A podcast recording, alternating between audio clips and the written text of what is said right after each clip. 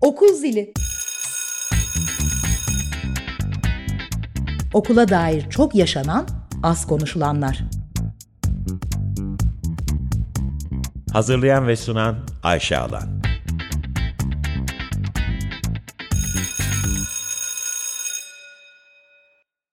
...95.0 Açık Radyo'da Okul Zili programındasınız. Ben Ayşe Alan. İki haftada bir perşembe akşamları okula dair, eğitime dair birçok meseleyi sizlerle birlikte konuşuyoruz ve her bir e, programımda özel bir konuğum oluyor. Bugünkü konumuz matematik eğitimi. Zor bir konu. Zor bir konuyu çok iyi bir matematik öğretmeniyle konuşacağız. Eser Dilsöz. Eser hoş geldin. Hoş bulduk. Nasılsın? İyiyim. Sen nasılsın? İyi valla ne olsun. Gayet güzel gidiyor. Harika. Zor bir konu. Şey e, yani teşekkür ederim. Hani o şekilde tanıttığın için de hakikaten zor bir konuyu zor bir şekilde nasıl tartışacağız göreceğiz bakalım. Evet 25 dakika boyunca e, matematik eğitimini seninle masaya yatıracağız diyelim klişe tabirle. E, Evet. Sen sadece matematik öğretmenliği yapmıyorsun onu da paylaşmak isterim.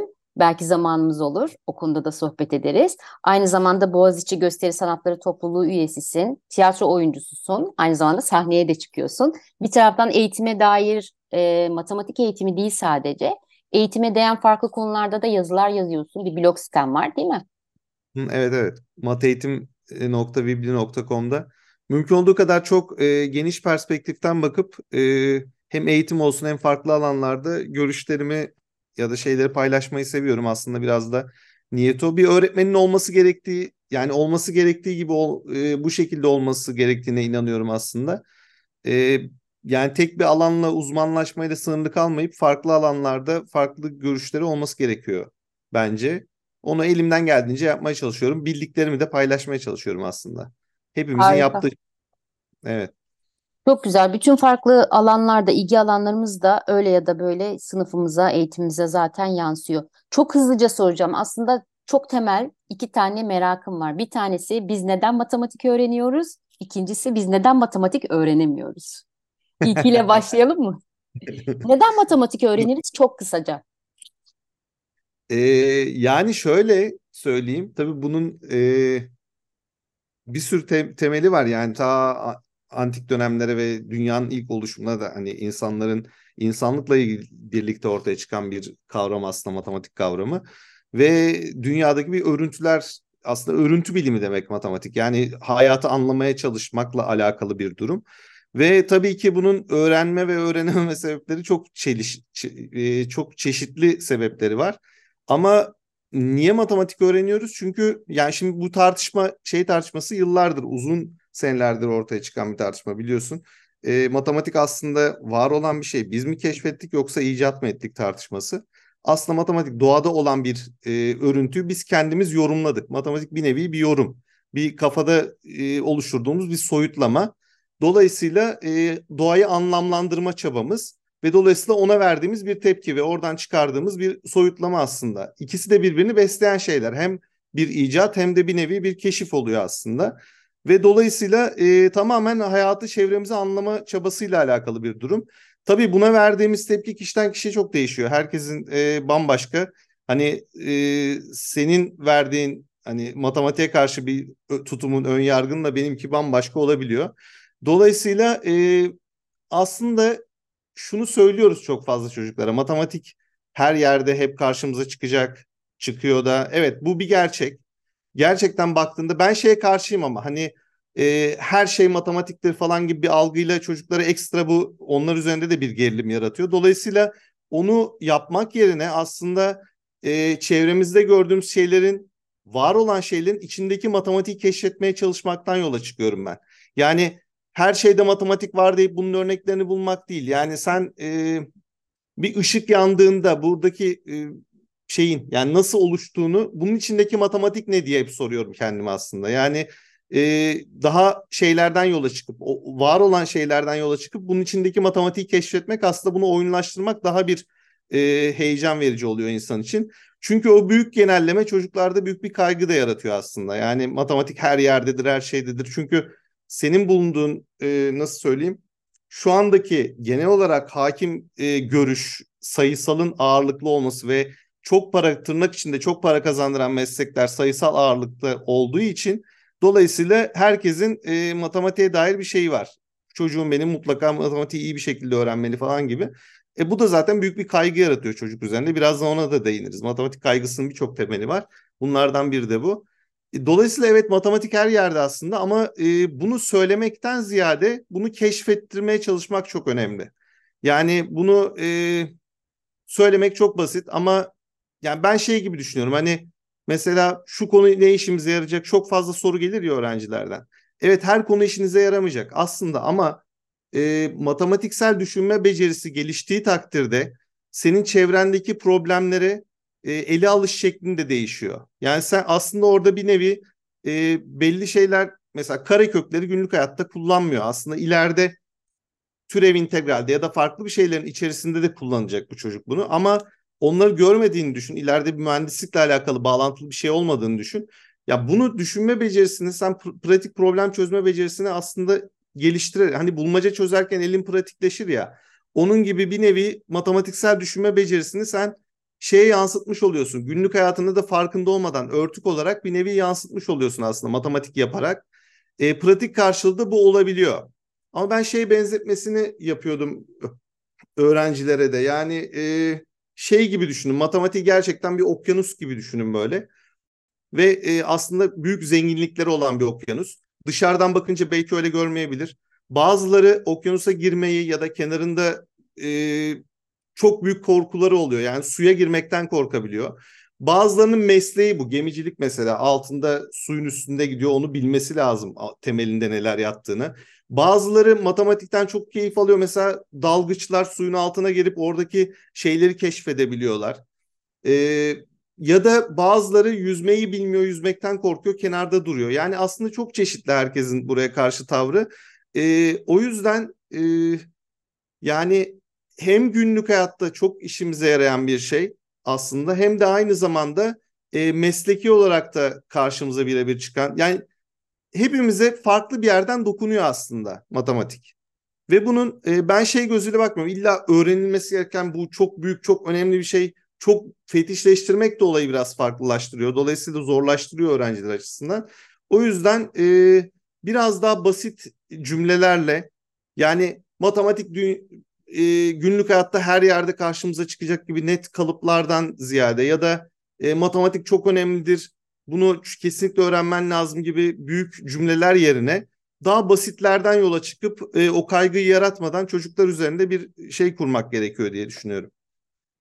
Anlıyorum. Biraz Sanırım... anlattın mı? Yok, e, gayet net anlattın. Örnekler de çok güzeldi. Aklıma şöyle bir şey geldi. Hani bilim var, bir de okulda bilim var ya. Sanırım Hı-hı. matematiğin bizim en çok e, bu kaygı ya da zorlukla karşılaşma durumumuzla böyle bir ilgisi olabilir. Yani fizik var, okulda fizik var. E, kimya Hı-hı. var, okulda kimya var. Tarih var, okulda tarih var. Matematik var, kocaman bir okyanus dedin. Okulda evet. matematik var. Yani herhangi bir bilimi okula transfer etmek aslında en basite indirgemek çok zordur ya. Asıl evet. zorluklardan bir tanesi okul. Okulda neler e, ters gidiyor da matematik eğitiminde bir taraftan işte üniversite sınav sonuçlarımıza bakalım, PISA sonuçlarımıza bakalım. Netlerimiz bu kadar düşük, bir yandan bu kadar ders saati de yüksek olan bir ders. Okulda nasıl öğretiliyor da e, bu kadar kaygılı ve korkulu oluyoruz? Matematik olan ilişkimizde. E, matematik kaygısı sadece Türkiye'ye özel bir şey değil. Dünya çapında bu matematik kaygısının hani e, sanıyorum yapılan araştırmalara göre yanlış hatırlamıyorsam dünya nüfusunun beşte birinde çok ciddi matematik kaygısı var. Bunda çok etken var. Ee, dönüp baktığında aile faktörü çok önemli. Ailedeki insanların matematiğe karşı tutumu ve e, şeyi yani beklentileri çocuktan.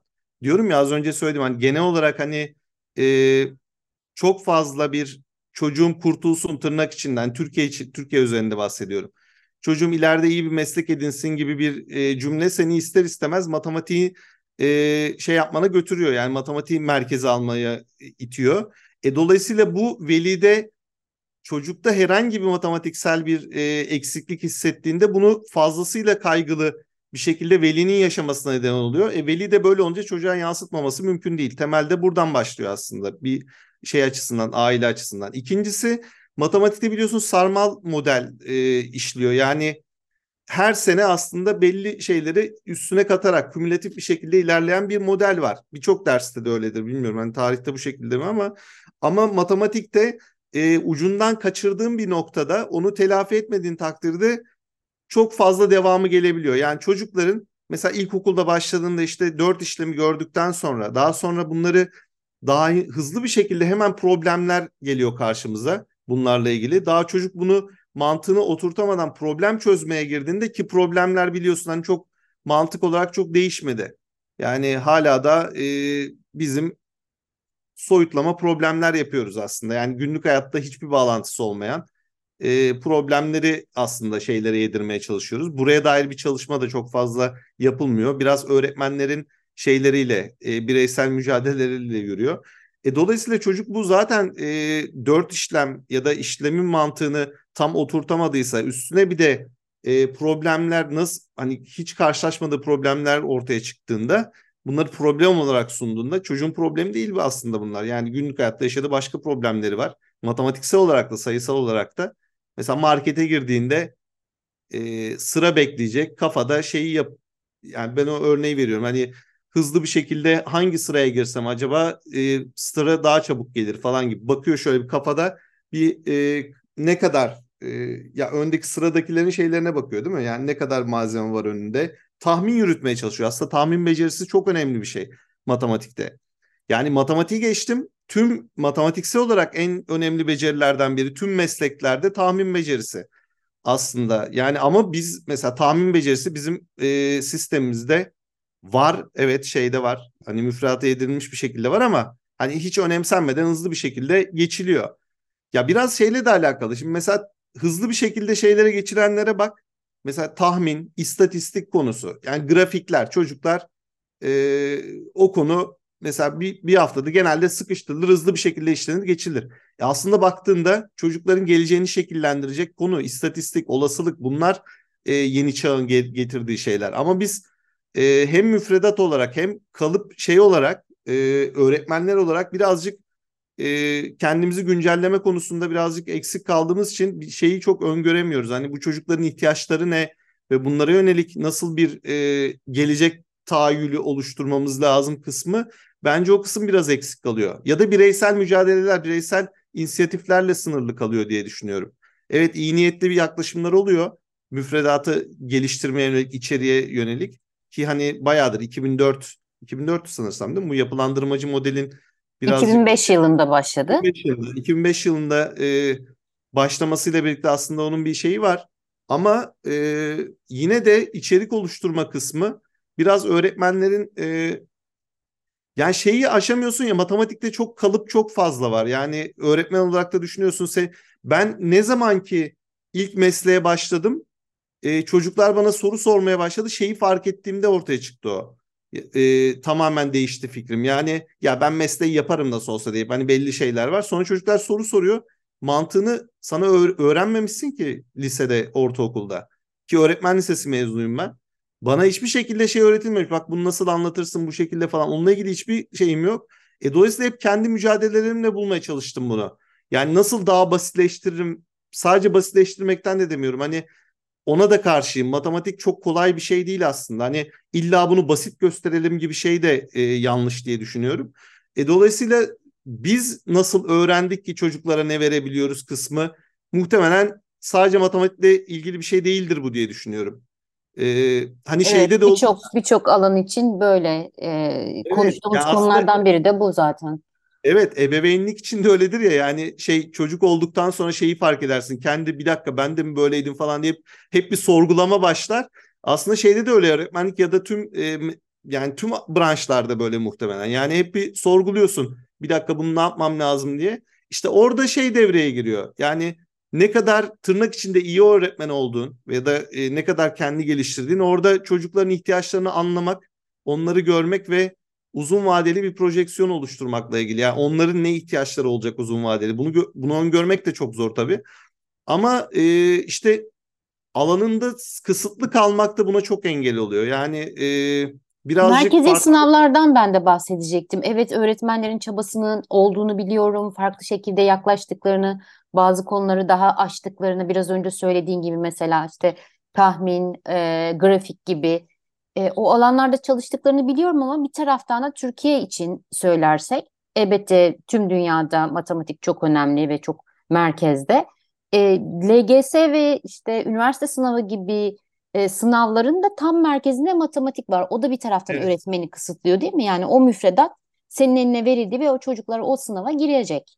Evet, yani biz da Hı hı. Evet çok şey yaptık. Çok e, bu noktada eleştirdik aslında. Son iki yıldır e, LGS'de bizim e, yani eleştirdiğimiz noktalarda dikkate alınmaya başlandı diye düşünüyorum. Çünkü iki yıldan önceki ilk çıkış itibarıyla bile ben şeyi hatırlıyorum. Bundan ya 3 ya 4 sene önceki e, LGS'de matematik ortalaması Türkiye'de 20 soru üzerinden doğru ortalaması bu. Net ortalaması değil. 20 soru üzerinden 4.4 ya da 4.2 civarındaydı.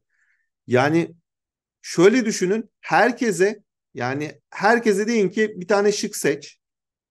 Sadece tüm soruları salla. Herkes A yapsın, herkes B yapsın gibi düşün. Ee, yani orada bile yani genel şey dağıttığında, dengeli bir şekilde dağıttığında orada bile doğru ortalaması 5 çıkar yani tamamen şey yaptığında. Ee, Neden çocuklar... peki? Neden bu kadar düşük? Ee, birincisi o işte eleştirdiğimiz nokta oydu. Çok ciddi matematik eleyiciliği tamamen matematiğe yüklenmişlerdi. Evet. Yani şimdi orada problem şu. E, çok zor sorularla hakikaten e, nitelik tırnak içinde nitelikli okullara öğrenci alıyoruz. Madem bunlar ayrılsın gibi bir şeydi ama çok ciddi matematik e, kaygısını tetikledi. Yani bu ben şeyi hatırlıyorum bu ilk LGS'ye giren çocukların daha sonra şeyi de incelemiştim. Hani bu çocukların yani şimdi 8. sınıfta bu kaygıyı çok yüksek yaşayan çocuklar işte 11-12'ye geldiklerinde bu sefer üniversite asıl olması gereken o kaygı yani kaygı demeyeyim de hani e, çocukların heyecanlanıp kendi mesleklerini seçecekleri bir sınavda e, daha şey geçirmeleri lazım bu süreci. Daha e, nasıl diyeyim birçok şeyi orada yaşamaları lazım aslında ama biz bunu LGS'yi öne çekmiştik. Matematik bazında konuşuyorum. Diğer dersler üzerinde demiyorum. Gerçekten o kaygı çok ciddi düzeyde yaşanıyordu ve çocuk 9. sınıfa geldiğinde bu sefer e, matematik çalışmak istemiyordu. Yani görmek istemiyordu matematiği yani. O çok etkiledi durumu. 9, 10, o, e, 9'da aldığın şeyler aslında 8'in bir nevi devamı. E sen bunları e, oturtamayıp sonrasında eksikler ortaya çıkmaya başladığında bu üniversite sınavı hazırlığına da yansıdı. Yani Peki şunu sene... söyleyebilir miyiz? Ee, pardon sözünü kestim. Şunu söyleyebilir miyiz? Diğer dersler için olduğunu biliyorum. Özellikle ortaokul seviyesinde belki lisede de öyle diyebiliriz. Öğrencilerin yaş seviyesinin üzerinde bir akademik içerik veriliyor ve öyle sorular soruluyor diyebilir miyiz matematik için? Mesela 8. Son... sınıf matematiği öğrencinin yaş düzeyine uygun bir matematik mi içerik olarak? Son iki seneye kadar son iki seneye kadar e, şeydi ben sınav sorularından bahsediyorum şu anda. İçerik olarak mı diyorsun? İçerikte şimdi sadeleştirmeye birazcık gitmeye başlayacaklar. Ama ben içerikte çok problem olduğunu düşünmüyorum. Ee, içerik verme şeyinde yeni nesil yeni nesil soru mantığı da mantığında da problem yok. Fakat maalesef o sektör haline geldiği için o yeni nesil sorularda hiçbir denetleme mekanizması da olmadığı için e, saçma sapan e, zorlukta denemeler, işte e, kitaplar bunlar ortaya çıkmaya başlayınca veliler de haklı olarak e, bilmeyince neyin ne kadar ne kadar ayrıntıya girildiği noktasında e, bu çok büyük bir şey yarattı. Hem büyük bir sektör oldu e, hem de çocuklarda çok büyük kaygı yaratmaya başladı. Ve oradaki sorular MEB'in örnek sorularından bahsetmiyorum. MEB'in bence e, çok özen gösterdikleri için bu konuda kaliteli soruları var. Yani içerik olarak şey yaparak falan. E, orada problem yok ama bu işin denetlenmesi ve şeyi olmadığı sürece e, dolayısıyla herkes soru yazıyor ve herkes yani lise son seviye ben bakıyorum bazen ben anlamıyorum soruyu. Ben anlamıyorsam e, çocuk ne yapsın yani çocuğun bu şeyini şevkini kırmaya gerek yok. Aslında içerikte problem yok. Ama soru tipleri, soru modeli e, bu e, şey yapıldığında e, bambaşka bir noktalara evrildi aslında. Şimdi biraz kır, son iki senedir kırmaya çalıştılar matematik üzerinde. Hani eleyiciliği diğer ders biz hep şeyi söylüyorduk. Matematikte eleyicilik tek bir ders yapamazsınız. Yani burada çok ciddi e, matematik kaygısı yaratılıyor bu durum yaratıyor çocuklarda bu durum.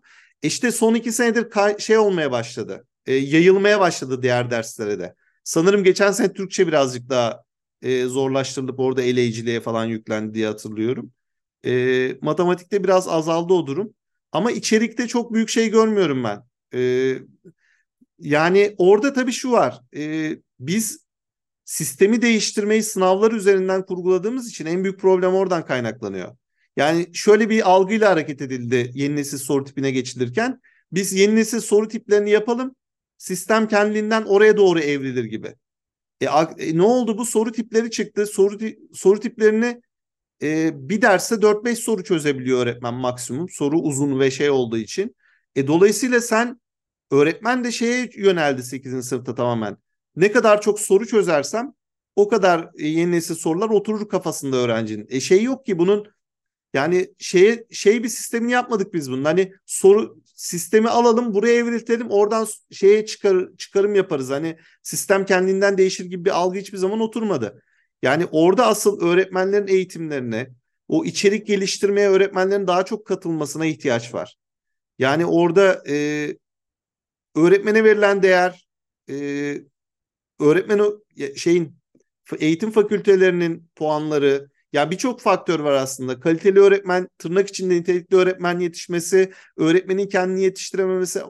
Ya bir şey şimdi bunları da etkileyen en temelde ekonomik koşullar var. Yani orada he, her yere bağlanıyor aslında. Hepsi birbiriyle iç içe.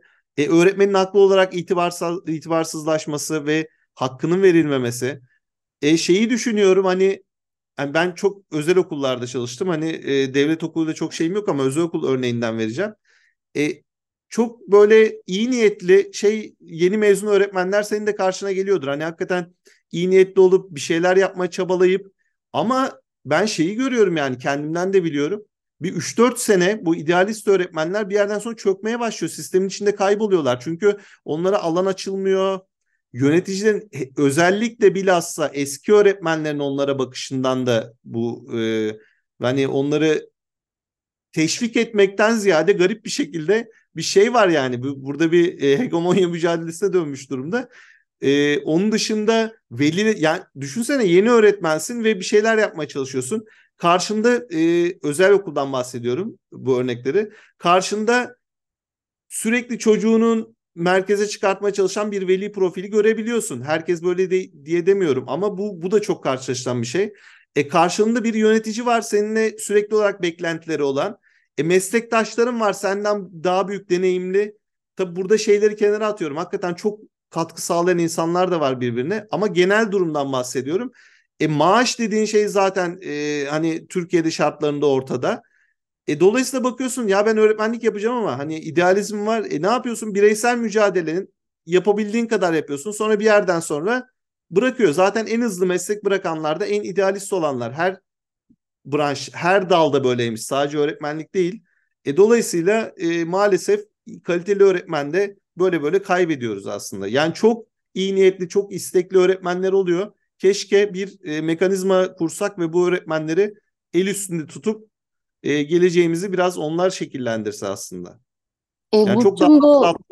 Hayır hayır. E, zaten yavaş yavaş programımızın sonuna da geldik ama başından beri hem matematik e, dersinin e, bu kadar e, kaygılı bir şekilde algılanması, zorluğu, sınav sonuçlarında bu kadar kötü olmamız, her şeyi merkezi sınavlara bağlıyor olmamız. Evet. Bir taraftan sen kendi deneyiminden de bahsettin. Yani ben öğretmen lisesi mezunuyum, eğitim fakültesinde okudum ama bir sürü şeyi öğrenmemişim. Matematikle gerçek bir ilişki, eğitim özelinde gerçek bir ilişki kurmamışım dedin. Bir taraftan özel okullardaki çalışma şartlarından aslında mentorluk eksiğinden değil mi? Evet, işte eğitim kesinlikle. politikalarından devletin şeyi e, eğitimi nasıl matematik eğitimini nasıl dizayn ettiğinden bahsetmiş olduk aslında 25 dakikalık programa bir sürü şey sığdırdık gibi geliyor. Ama programı kapatmadan son bir söz de vermek isterim. Yarın Öğretmenler Günü. Belki bununla birlikte hem Öğretmenler Günümüzü hep birlikte kutlayalım karşılıklı iki öğretmen olarak. Evet. Ee, hem de e, sana bir son söz vermek isterim kapatmadan. Yani ben e, çok teşekkür ediyorum davet ettiğiniz için. Yani gerçekten e, bu tarz programların, podcastlerin veya e, birçok şeyin aslında öğretmenler için teşvik edici olduğunu düşünüyorum. Gerçekten e, ya bunu açtığımız biz paylaştığımız ölçüde ne kadar paylaşırsak birbirimizi anlamaya daha çok e, şey oluyoruz. Daha çok birbirimizi anlıyoruz ve buna da ihtiyacımız var diye düşünüyorum öğretmenler olarak. E, mümkün olduğu kadar e, bu şeyleri devam ettirmek yani bu paylaşımları devam ettirmek birbirimizi anlamamıza e, çok yardımcı olacak diye düşünüyorum. Çok teşekkür ediyorum. Rica ederim. Ee, yine diğer programlarda konuşmaya devam ederiz. Bence senin söylediğin son söz çok önemliydi. Bir sürü araştırma yapılıyor öğretmen gelişimiyle ilgili. Bu araştırmaların sonucu hep şunu söylüyor. Öğretmen en çok kendi öğretmen arkadaşından öğreniyor ve bu anlamda Evet. mesleki gelişimini sağlıyor. Tekrar çok teşekkürler konuk olduğun için. Açık Radyo'daydınız. Okul zilinde iki hafta sonra Perşembe akşamı tekrar birlikte olacağız. İyi akşamlar.